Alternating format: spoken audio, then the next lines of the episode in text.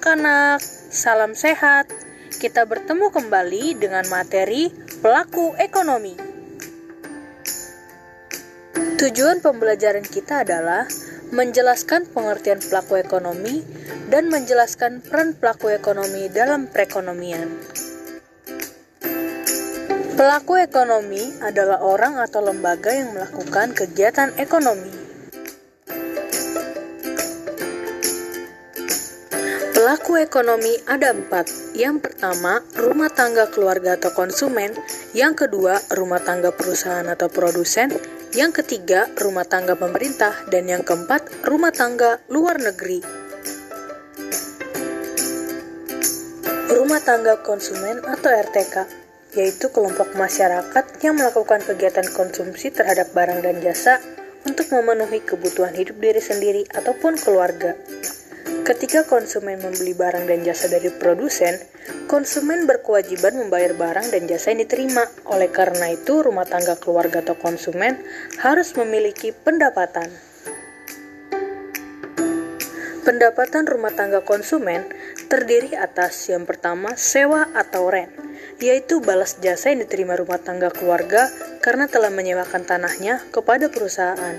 Kedua, upah atau wage, yaitu balas jasa yang diterima rumah tangga keluarga karena telah mengorbankan tenaganya untuk bekerja pada perusahaan dalam kegiatan produksi.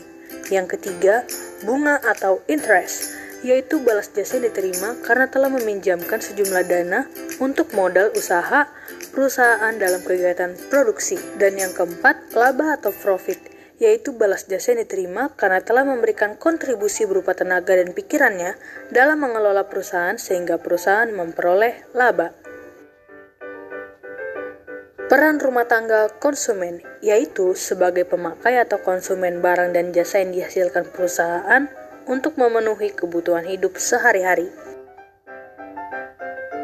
Yang selanjutnya sebagai penyedia atau pemasok faktor produksi kepada rumah tangga perusahaan untuk melakukan proses produksi.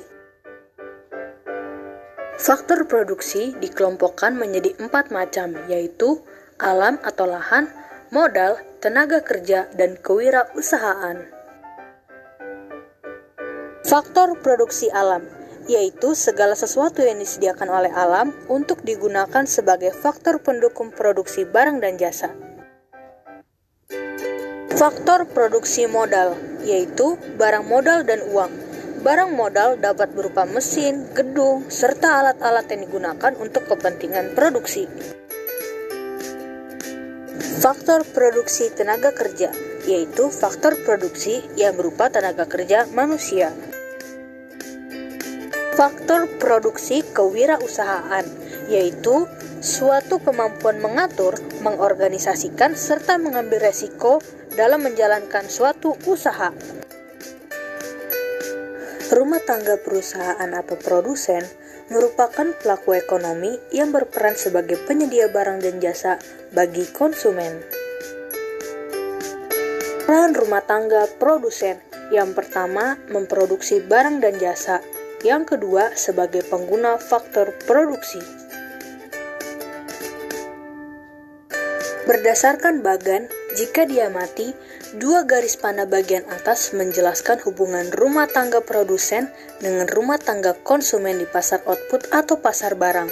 RTP memberikan barang dan jasa kepada konsumen, kemudian sebagai imbalannya, RTK memberikan sejumlah uang kepada RTP. Dua garis panah di bagian bawah menunjukkan hubungan RTP dan RTK di pasar faktor produksi. RTK berperan sebagai penyedia faktor produksi, sedangkan RTP berperan sebagai pengguna faktor produksi. RTP memberikan imbalan atas faktor produksi yang diberikan oleh RTK. Imbalan ini berupa sewa, upah gaji, bunga, dan keuntungan. Peran rumah tangga pemerintah Terdapat tiga peran penting rumah tangga pemerintah, yaitu sebagai regulator, konsumen, dan produsen. sebagai regulator atau pengatur. Artinya, perekonomian pemerintah harus diatur sehingga dapat menyejahterakan masyarakat secara adil dan merata. Regulasi dan aturan yang dibuat pemerintah berupa pemberian subsidi pada perusahaan dalam negeri agar mampu bersaing dengan produk luar dan menentukan besarnya pajak. Sebagai konsumen, artinya pemerintah membutuhkan sarana dan prasarana penunjang yang dibeli dari rumah tangga perusahaan atau produsen.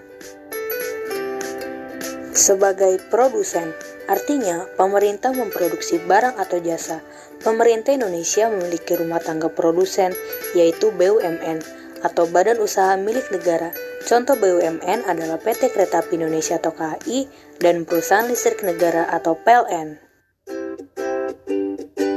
Rumah tangga luar negeri Peran rumah tangga luar negeri terlihat dalam perdagangan internasional.